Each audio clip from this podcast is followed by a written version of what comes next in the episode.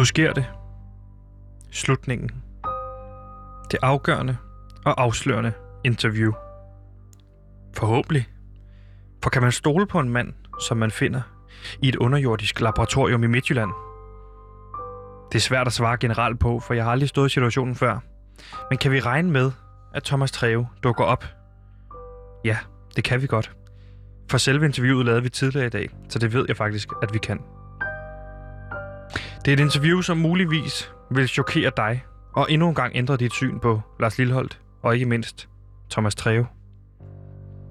Så er du en sart sjæl, så sørg for at lytte til dette afsnit med en voksen, eller en du stoler på. Så kommer vi igennem det sammen. Tak, fordi du er taget med på rejsen, og lad os se at komme i gang med det sidste afsnit. Mit navn er Sebastian, og sammen med min researcher Gantimir og vores producer Simon, jagter vi sandheden om Lars Lilleholdt. Det gør vi i serien Hvem er bange for Lars Lilleholdt? Lige nu lytter du til det tiende og sidste afsnit, som vi har valgt at kalde Thomas Treves afslørende interview.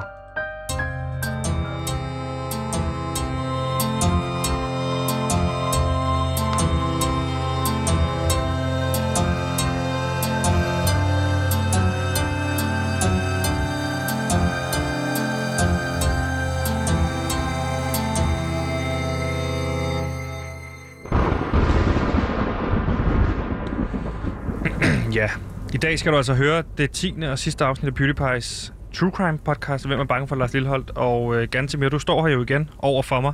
Ja. Endnu en gang. For Endnu en 10. gang. gang, kan man sige.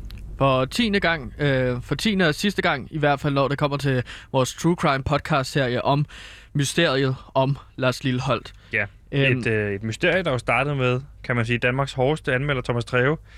Rosende anmeldelser med Lars Lilleholdt, som satte os på sporet af netop det her mysterie omkring, hvorfor Thomas Treve anmeldte ham positivt, altså Lars Lilleholdt, og andre mennesker negativt. Og især sådan noget som toppen af poppen, som han jo tidligere har kritiseret i stor stil, og som han så efterfølgende, kan man sige, lige pludselig vender på en tallerken. Og det har godt nok fået os vidt omkring, fordi at, øh, kan du ikke tage os igennem nogle af de punkter, hvor vi har været øh, forbi? Jo, men man kan sige, at det har været noget af en rejse. For eksempel så fik vi kastet sten ind af vinduet. Ja. Ja. Øh, jeg fik, som ligesom ledte til et spor. Øh, vi skulle undersøge lukningen af det legendariske pladeselskab Sodet. Ja, og det førte os jo videre til øh, det her pladselskab, der hedder PUK, eller ikke et pladselskab studie, som hedder PUK Recording Studio, som brændte ned den 28. december helt tilbage i år 2020. Og det har vi jo dykket ned i og givet vores bud på, hvordan det hænger sammen. Og det skal vi få at vide i dag, hvordan rent faktisk hænger sammen. Vi var også rundet jo også en nedlukning af... Af 24-7. Ja. Den lukkede jo også ned, hvilket vi også mistænkte Lars Lilleholdt for at have noget med det at gøre. Øhm, fordi at de simpelthen undersøgte gennem en gravergruppe i Generelt har vi år. mistænkt Lars Lillehold for rigtig mange ting. Vi har mistænkt Lars Lilleholdt øh, rigtig meget. Ja. Han har også været meget altså, hovedmistænkt Ja. for mange af de ting, vi har oplevet. Blandt andet tæsk, øh, indbrud, Hacking. hacking. Hacking. Øh, ja, øh, så vi har oplevet en hel masse. Du røg jo også ind i fængsel. Jeg har været i spjældet undervejs her øh, på de her to uger, så vi har været igennem på noget af en, af, en rejse. Og øh, det sidste, vi gjorde, var jo netop at opsøge, hvad kan man sige, Thomas Treve i virkeligheden på den her adresse, Gammel Ry, som skulle være Lars Lilleholds adresse, fordi vi under vores indbrud på Ekstrabladet fandt en masse post, som var øh, til Lars Lillehold, men som han besad. Og der var vi jo så henne øh, ja, i forgårs i virkeligheden. Men den reportage, den afspillede vi i går, hvor vi fandt Thomas Treve i, en underjordisk, i et underjordisk laboratorium. Og det lyder helt vildt, øh, hvis man Det lige er lyder meget ind. mærkeligt. Ja, så hvis man Ja. lige er tunet ind i det 10. afsnit, så tror jeg lige, man skal høre ni afsnit før det her ja. For alvor virkeligheden giver mening, fordi det, du skal høre nu, kære lytter, det er øh, chokerende nyt. Det er i virkeligheden øh, skældsættende nyt, som du skal høre i et interview med Lars Lilleholdt, eller som med Thomas Treve, som vi foretog os tidligere i dag. Og hvordan har du det med det her interview i virkeligheden? Jamen, øh, det var en blanding mellem øh, overraskelse og forløsning.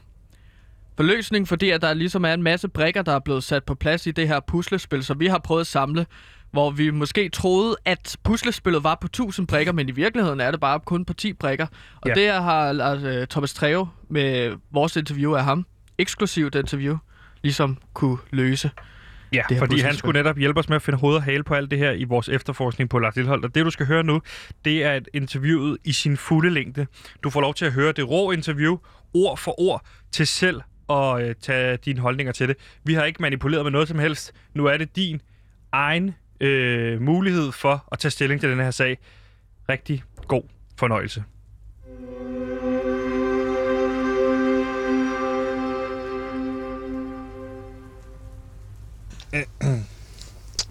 Thomas, er du, du er klar? Ja.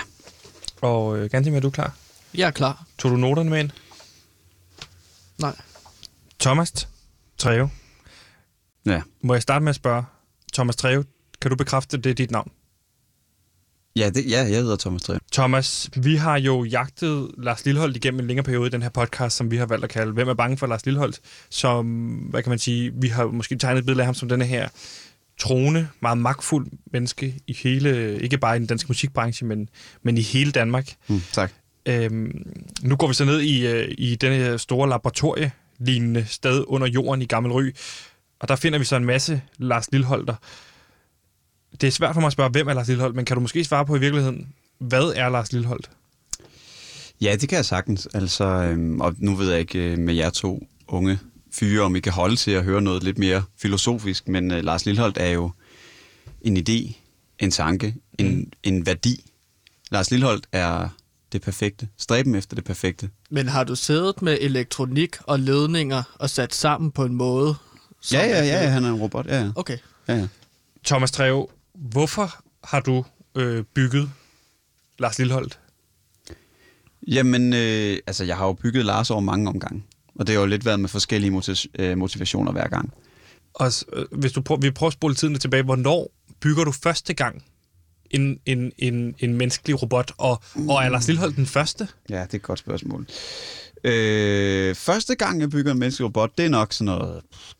Jeg, jeg begynder jo i 70'erne, ikke? Jo. Mm. Og, øh, og sidder bare derhjemme og har lidt forskelligt. Og, øh, og, så, og så tænker jeg, jeg, jeg, i stedet for at bygge en, så bygger jeg tre. Så jeg bygger øh, øh, det, der hedder Trio Treo. Øh, en gang her i slut 70'erne. Det havde vi godt, det, sp- det spottede vi godt i vores podcast, at Lars Lilholdt var med i en, øh, i en trio, der hed Trio Treve. Ja, ja. Så tænkte vi, det havde måske noget med Thomas Treve at gøre dengang. Men det er simpelthen dig, der bygger Trio Treve. Ja, ja. Ja, ja. Øh, og også Paul Krabs og øh, John Nørgaard. Men så lad os, der er nogle ting, jeg gerne vil spørge dig ind til i forhold til, til alle de her øh, ting, vi har set eller opdaget undervejs, og få en lille større klarhed omkring. Fordi vi, vi spotter det jo i forbindelse med, at uh, Gantemir, han, han dykker ned i nogle af dine anmeldelser i baggrund på tip omkring sexisme på Ekstrabladet. Og det er jo, det er vi jo noget, vi har undersøgt på baggrund af, at, som værende, om du er en del Ja. af det. Ja, jamen det er 100. 100 Okay. ja, ja. Jamen, det, og, det, og det synes jeg faktisk, at det, det er et kæmpe problem, men altså, der er jo også et stort problem i, at der er så mange skrigskænger, der stiller sig op på en scene og tror, de kan noget, ikke? Okay, hvis vi nu ikke går for Okay. meget ned ad den vej, tænker Nå, men jeg... det kan vi så, altså, Jamen, jeg gider det- heller ikke snakke Nej, om det. det er en helt anden historie, Lad- sådan noget sexisme på Ekstrabladet. Lad Det gider jeg ikke at ja, snakke om. Nej, lad os lægge det til handler jo ikke om sexisme, det handler om kvinder, der er fucking dårlige til. Ja, og det, det- og, og, men nu, nu skal Og vi diskutere det- sexisme, Lad os holde og jeg er fokus på meget de imod her... det, du siger. ja, det er må vi jeg, program. Men Ja. må, jeg- nu, nu tager jeg lige fat her. Må jeg fordi- ikke tage fat? Jo, okay. Godt. Fordi at... Men så tager du også fat nu. Om hvad? Interviewet. Ja, okay. Altså helt tilbage, det startede jo med, at jeg gravede ned i dine anmeldelser, Thomas Treve, og Ja. du er jo kendt som manden, der er den hårdeste anmelder Det har jeg sagt. Dygtigste anmelder. Danmark. Jamen nu vil jeg tage fat, og så, så tag det. Godt. Det, vi, tag nu tager jeg fat i interviewet med dig, Thomas. Og øh, der opdager vi jo så det her mønster Mm. I, at du an, anmelder nogen meget, meget, meget hårdt, Ja, kan man måske sige. Det, det kan du måske gå med til. retfærdigt. Og så Lars Lilleholdt ekstremt positivt. Retfærdigt. Ja, det Ja. ja. fandt jeg ud af. Hvorfor, når du selv har bygget Lars Lilleholdt, hvorfor er det, du anmelder øh, ham så positivt, modsat mange andre? Jamen, han er jo bare en af dem, de få, de eneste, den eneste, der kan lave ordentlig musik. Pladeselskabet Sonet, Mm. det dør langsomt ud. Blandt andet på grund af en fejde mellem en violinist og mm. Lars Lilleholdt. Det ved vi. Ja. Hvor, hvorfor døde Sonet langsomt ud, og hvad har du med det at gøre? Altså, jeg vil jo ikke sige, at jeg har noget med det at gøre som sådan. Det er jo Lars 3.0, der har noget med det at gøre. Men, men, men dybest set, så er det jo, at, øh, altså, at Zone, de vil, de vil prøve at tage kontrol over det smukke væsen, som Lars 3.0 er. Og det, mm. øh, det har vi så en snak om, mig og Lars. Så må vi jo stoppe det, ikke? Øh, og det er der jo mange måder at gøre på, men den hurtigste måde er jo at kidnappe folks børn, ikke? Fordi så bliver man pisse bange. Lad mig lige holde fast i det her i forhold til de her pladeselskaber, fordi der, vi afdækker jo den her sag med Puk Recording Studios, som den 28. december to, tilbage i 2020 brænder ned til, øh, til mm. Grunden. Og det har vi jo igennem en rekonstruktion fået til at tegne et billede af, var det Lars Lillehold, der gjorde. Det gjorde du ganske mere. Ja. Er det Lars Lillehold, der brænder Puk Recording Studios ned? Det kan jeg i hvert fald bekræfte, det er det ikke. Okay. Det er mig. Det er dig, der brænder dig. Cook Recording Studios ned? Ja. Hvorfor? John Book, Ja. som havde studiet. Og John og jeg havde den her aftale om, at jeg måtte øh, lege et kælderrum i Book Studios. Ja. Og dernede har jeg så lagt nogle af mine ting. Og i forbindelse med, at Book Studios så blev solgt, så lå nogle af mine ting jo... Det, og det, mig og John har ikke lige talt sammen om det. Øhm, og de ting vil jeg simpelthen ikke have, at nogen nogensinde skulle få fat i. Så, øhm, Og hvad er det for nogle hele ting, ned. der ligger dernede i kælderen? Okay, jamen det er nogle gamle VHS-bånd med mig og, mig og Lars. Der er både nogle VHS-bånd, hvor vi tager rutsjebanen ude på bakken, Ja. og så er der et VHS-bånd, hvor vi er ude at fiske. Og på den fisketur, der viser Lars, hvordan man flyvefisker ude i Salten Sø. Og på et tidspunkt ryger hans arm af, øh, og så bliver jeg simpelthen nødt til at skrue den sammen igen. Men Treo, Ja. hvorfor er det, du brænder Book Recording Studios ned? Jo, men der ligger jo så de her VHS-bånd i kælderrummet. Øhm, og jeg ved, dem er verden ikke klar til at se. Vi, vi har jo gravet ned i den her sag om Lars Lilleholdt, for, og så fandt vi ud af, at vi faktisk ikke øh, var de eneste, der har været på sporet mm. af kobling mellem dig og Lars Lilleholdt. Blandt andet så snakkede vi med en anonym øh, kilde fra det tidligere 24-7 Ja, radiokanal. Jakob der, ja. Jakob? Ja, Ja. det måtte vi ikke sige, men nu er det Nej, så. men nu er det ude. Jakob, tidligere journalist på 24-7. Mm. Jeg skal spørge Jeg tror dig. bare, vi skal kalde ham tidligere journalist. Ja, ja, han, det, han arbejder ikke med så Nej. journalistik længere. Nej, det gør han nemlig ikke. Jeg skal spørge dig, Treo. Mm. Hvem står bag nedlukningen af Radio 24 Jamen, det kan du spørge Jakob om jo. Hvad Han- vil han sige? Han vil nok sige Lars Lilleholdt. han vil sige Lars Lilleholdt. Ja, Ja. fordi men hvorfor er det, han tror, at Lars Lillehold står bag nedlukningen af Radio 24 Det er fordi, jeg har skrevet en seddel, hvor øh, jeg skrev med Lars Lilleholdt. Men hvorfor skriver du så på en seddel, da du, da du fjerner alt bevismaterialet med velhilsen Lars Lilleholdt? Ja. Men øh, vil du tro på, hvis du læser en overskrift, Lars Lilleholdt lukker radiokanal, vil du tro på det? Vil Nej. du tro, at det vil ske? Jeg Nej. vil ikke tro på det. Nej. Vi har jo talt med berlingske journalist Rune Langhoff, som fortæller os til gengæld, at han er Ja, tidligere. tidligere berlingske journalist Rune Mm. Langhoff, at han øh, of, er opfostret ja. Ja. af, af Lars Lilleholdt. Hvordan kan det hænge sammen? Jamen, øh, det hænger også lidt sammen med den eneste, altså med, at jeg ikke laver flere Larser. Kan du, kan du prøve at uddybe det? Det kan jeg godt, men så skal jeg også være helt sikker på, at øh, I øh, slår jeres lyttelapper ud Ja. og prøver at forstå noget, der er lidt mere avanceret end bare liv og død. Lars, den Lars, vi har gående derude nu, han, øh, han er en gudsbenået mus- musiker. Mm-hmm. Mm. Han er, et, han er et stort menneske, kan man sige. Mm. Menneske? Du er, ja, en for- robot, vel? Ja, det er det. Det er nemlig det. På et tidspunkt, der begyndte han at, øhm, at fifle lidt rundt ned i mit laboratorium. Og før jeg får set mig om, så, øhm, så har han skulle lavet en, øhm, en datter. Og Okay, vent, så, så, før, så, så Lars Lilleholdt har selv skabt liv? Altså skabt Og- en ny robot? Simpelthen. Så han har faktisk øh, både lavet en datter og en søn, Kan du nævne en, han også har, har bygget? Rune Langhoff. Rune Langhoff har han bygget. Ja. Okay, så nu, nu har vi altså en robot, der hedder Lars Lilleholdt, der er bygget af Thomas Treve. Men Lars Lilleholdt er nu begyndt også selv at bygge robotter. Har Lars Lilleholdt gjort det for at få politisk indflydelse fra Rune Langhoff? Nej, det var egentlig mest, fordi han kunne se, at hans datter var ensom. Øh, og han ville rigtig gerne have, at hun fik en god mand. Og hvordan kan man kontrollere det? Det er at bygge ham selv. Lad mig spørge på den måde, fordi hele den diskussion, hvorvidt Lars Lilleholdt er en robot eller ikke er en robot, mm. har du nogensinde slukket for Lars Lilleholdt? Jeg har slukket for nogle versioner af Lars, ja. Øh, den seneste version, jeg slukkede for, det var i 86. Øh, men, men den, der, der render rundt nu... Og hvorfor har øh, du ikke slukket for ham siden 86? Altså, fordi han simpelthen selv begyndt at, at lave liv, og det synes jeg er uansvarligt. Og, og er han så en robot, hvis han selv kan sætte ting på jorden med to ben og et hjerte, der banker? Ja, for definitionen Og af... han skrev også Kald det kærlighed i 86, så der havde det sådan, okay, det er jo for sindssygt, det der. Det er jo, altså, hold kæft, mand. Er en sang. Den blev ja. først udgivet i 93, ja, ja. Mm. Vi brugte syv år. Vi brugte syv år på at gennemgå teksten. Hvor jeg havde det sådan, nu skal jeg, jeg havde min røde kuglepen frem hver aften. Nu finder okay. jeg et hul i den her tekst. Det kan man ikke. Den er for god. Ja, fordi hvis man så skal kigge på netop den her sang, Kaldte Kærlighed, som du, som du nævner her, så, øh, så ved jeg, at du har dykket en lille smule ned i tekstuniverset. Det har jeg i hvert fald gjort tidligere, som prøver at finde et bevis på, at, at han skulle være en del af QAnon. Det er jo så ikke sagen i virkeligheden, vel? Nej, øh, Du har i stedet for fundet nogle Og andre ting. QAnon, det er ellers meget fedt. Min ja, men altså, min tidligere analyse af den her kaldte kærlighed, som Mm. Lars Lilshold så selv har brygget, det var jo, at der lå alle mulige kryptiske beskeder, som skulle hjernevaske Lars Lilholds følgere. Ja, Det finder vi så ud af nu, nu at vil jeg bare lige høre, om du har gået mere tekstnat til den. Har du læst den hver aften i syv år? det har jeg ikke. Nej, jeg har okay. kun lige læst den igennem her for en uge siden. Okay. Men altså... Nå, men lad os prøve. Lad os prøve. Ja, men fordi at hvis man læser det ud fra, at det er en robot, der har skrevet sang, så giver det lige pludselig... Øh, øh, øh, øh, så får sangen en helt anden betydning. Mm, det det er jeg enig med dig i. For eksempel her. Fortæl mig ikke, hvad jeg skal og bør. Det er fra første vers. Fortæl, mig om dig selv, hvis du tør. Giv mig et frit valg, og giv mig et hjerte, jeg kan røre. Giv mig en chance ved at tale, før du går. Det, du fortier, slet ingen chance får. Hvis, hvis man tænker på, at det er en robot, der har skrevet den her sang, Mm. så er det her frie valg, som Lars Lilleholdt ønsker, det er jo et, et håb om, at man bliver set som en eller andet menneskeligt, og ikke et eller andet maskine. Uh, jeg tror, det er ganske mere, jeg prøver at spørge om. Ja. Er, er, er Kaldte Kærlighed en sang, der har skrevet til dig, Thomas Treve, han skaber? Ja, det kan man godt sige. Men den er jo også skrevet til dig, Sebastian. Den er også skrevet til dig, ganske vildt. Den er også skrevet til alle. Den handler jo om at i sidste ende acceptere, hvem man er, men også håbe på, at der er nogen, der vil holde ens hjerte.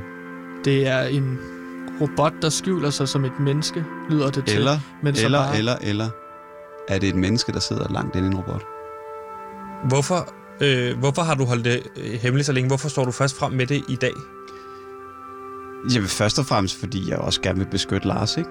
Øh, Jeg er jo bange for, hvordan folk kan håndtere og vide, at den der Lars Lillehold, som vi alle sammen har været til koncert med og drukket os fulde til at sunge sammen med, at han jo ikke er et menneske. Eller, ja, han er jo et menneske, han er jo bare ikke kommet ud af en... Hvad, hvad, er du bange for, hvordan, hvad er du bange for, folk vil gøre?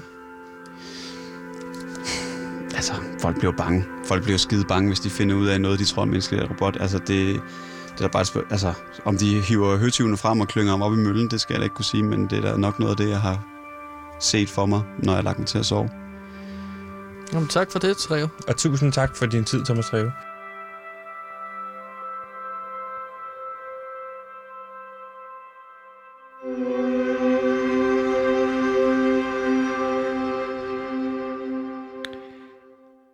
Ja, det var det fulde sidste afslørende interview med Ekstrabladets musikanmelder Thomas Treve. Øh, det sidste interview, og dermed også det sidste afsnit, eller afslutningen på vores True Crime podcast serie her. Gantimir, inden vi øh, lukker helt ned og siger farvel, hvad har du lært af det her? Eller, altså, Ja, det, det er Hvad? jo overraskende, det vi finder frem til, at øh, Lars Lillehold faktisk er en robot, der er blevet bygget af Thomas Treve. Øh, jeg, må, jeg må indrømme, at jeg, jeg, jeg frygtede Lars Lillehold, og jeg var bange for ham under hele den her podcast-rejse, som vi har været på. mm, Men nu har jeg faktisk fået lidt sympati for Lars Lillehold. Ja. Han er jo en bange øh, mand inde i en robot. Han forstår sig ikke på verden, men han prøver at føle, føle sig elsket og accepteret. hvordan tror du, øh, folks reaktion bliver på at finde ud af, at Lars Lillehold i virkeligheden er en robot? Tror du, folk kan acceptere det? Eller øh, er du enig i de her øh, refleksioner, Thomas Treve har haft sig i forhold til at hemmeligholde det her i alle de år siden Altså, ja, det, starten af slutningen af 70'erne, ikke? Men det er jo den kendte sådan, historie, øh, altså i film og i bøger og så videre, at folk kan ikke rigtig, folk er bange for det, som de ikke forstår sig på. Hvor- Hvordan har du det med det, Sebastian? Altså med at lære, at han... Jamen, for mig tror jeg, det lige så meget handler om, at, at måske at både jeg, men lige så meget især også dig, skal måske kigge indad i forhold til, at vi har jo bygget Lars Lillehold op som værende den her farlige, farlige mand, og mistænkt ham for alt muligt igennem vores rekonstruktioner, fordi vi var så sikre i vores sag, fordi mm. vi troede så meget på genren true crime. Måske i virkeligheden skulle vi ikke have været så snæversynet og opslugt af, af, af at følge de her idéer. Det lærte vi jo også med vores idé om, at han var QAnon, øh, mm. Hvor vi fik hjælp af vores EDB-ekspert Anton, ja. Ja. som jo fuldstændig ledte os på afveje i Ja, virkeligheden. han ledte os... Han var virkelig ned, dårlig ekspert. Ned Altså- en sti, der er meget mørk. Og, og, men, men vi lod os jo rive med. Vi lod os jo være der.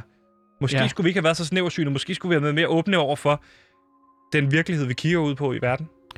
Vi var forfanget af, at eller vi stirrede blinde på, at det skulle være dystert og mørkt. Der skulle være en eller anden mørk hemmelighed, som vi skulle afsløre til sidst i True Crime podcast. Men True i virkeligheden... True crime, true crime, true crime var det hele tiden. Det var det eneste, jeg tænkte på. Det Men stod det... på min tavle derhjemme over min seng. Husk, du laver, du laver true crime. Måske skulle jeg have skrevet, husk, du laver podcast. Husk, du laver radio. I stedet for at tænke, at det skulle være True Crime, Præcis. så tænk en kærlighedspodcast måske. Ja, det er måske også... For, altså, det, der, vil- der vil jeg gå hen. Jeg synes at det skal være øh, spændende og underhold, men altså... Altså, jeg tænker... Så jeg synes, vi- hvis vi kigger ind af vigtigst af alt, så tror jeg, det er vigtigt for dig, at du ringer Lars Lilleholdt op, og så siger undskyld, fordi du har ligesom mistænkt ham for at kidnappe nogle børn. Du har mistænkt mm. ham for at brænde plade, øh, studie ned. Øh, du har mistænkt ham for at ødelægge pladeselskab. I virkeligheden er det jo Thomas Treve. Ja, det, det, det er rigtigt. Altså, jeg har ikke Lars Lilleholds nummer. Nej. Så jeg har svært ved ligesom at skulle kontakte ham, føler jeg. Ja. Men må ikke, jeg kan finde ham. Men jeg synes altså også, at du har været lige god om det, Sebastian. Fordi at vi har begge to lavet den her true crime. Nu, Hvor nu, vi nu, nu, nu har- stopper jeg dig der, inden du begynder at komme for langt ud, fordi Jeg er bange for... pointen i den her podcast er netop at acceptere folk for den, de er. Så skal du ikke stå og pege fingre nu her i slutningen. Jamen, jeg accepterer dig for den, du er, Sebastian. Men kan du acceptere dig selv, at dit ansvar Alt i for det her vås. True Crime podcast... Altså, vi har jo udnyttet folks ulykke for Ja. vores egen vinding og podcast skyld. Ja, Du havde en drøm om, at det her skulle ende med, at du kunne komme på P3. Ja. Det var for din egen personlige øh, grunde. Ja. Så vi har ligesom Nej, udnyttet en nedbrænding af Puk. Ja. Det har du. nej, det har og vi gjort. kidnapning af persons børn. Ja, det har du og så gjort. har vi udnyttet dig også. Lukning af zonet. Ja. Altså de her ulykkelige skæbner har vi udnyttet for, at du måske kunne komme på P3 en dag, Sebastian. Vi har skadet nogle mennesker i Men den her true crime. alt, men vigtigst af alt, så har vi lavet en underholdende podcast her. Det tror jeg, vi, det, det, det tror jeg, vi skal... meget spændende. Og, og jeg vil også Meget sige, enig. det har været noget af en rejse at være på. Kan vi konkludere det? Det har været en hård, men spændende rejse på to uger på 10 afsnit. Sikke en rejse.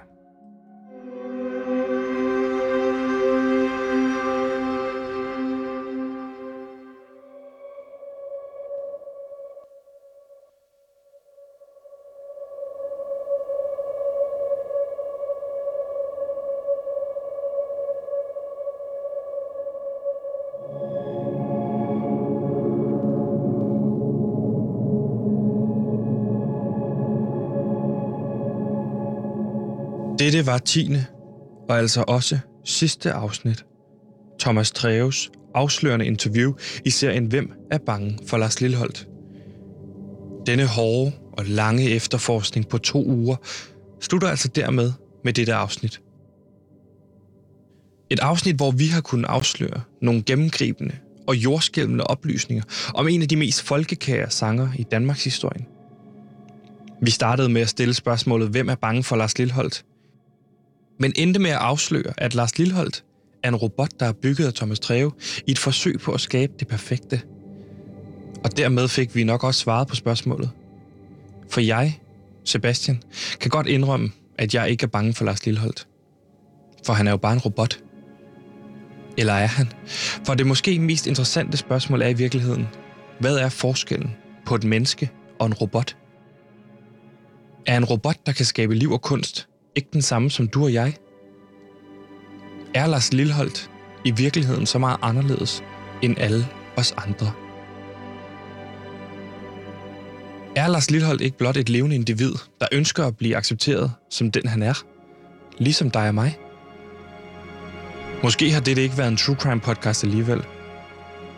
Måske har det været en podcast om kærlighed og det at lære at elske hinanden for den man er.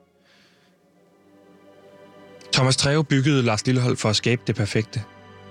Du kan kalde det, hvad du vil. Men i denne podcastserie, der vælger vi at kalde det kærlighed. Tak, fordi du lyttede med.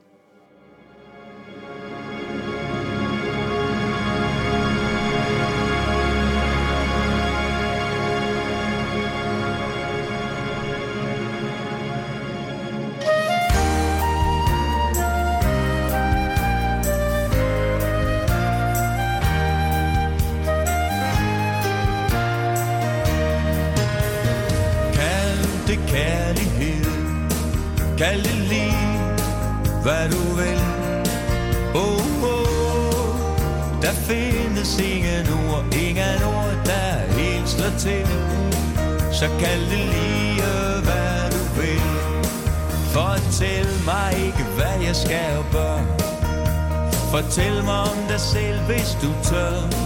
Giv mig frit valg og giv mig et hjerte, jeg kan røre. Giv en chance ved at tale, før du går. Det du fortiger, slet ingen chance for. Kald det kærlighed. Kald det lige, hvad du vil. Oh, oh, der findes ingen ord, ingen ord, der.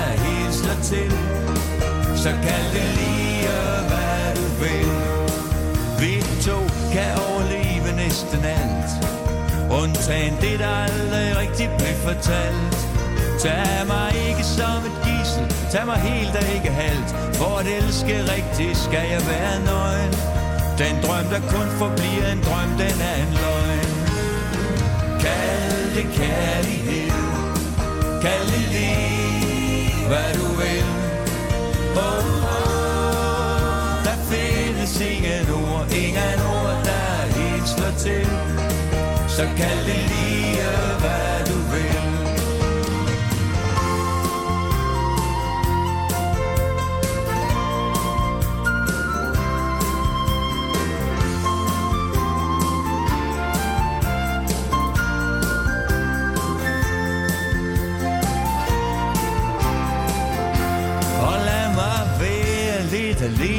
mig selv. Jeg vil have dig alligevel. Jeg vil have en gave, ingen handel, ingen gæld. Det er for let at gå fra kærlighed til had.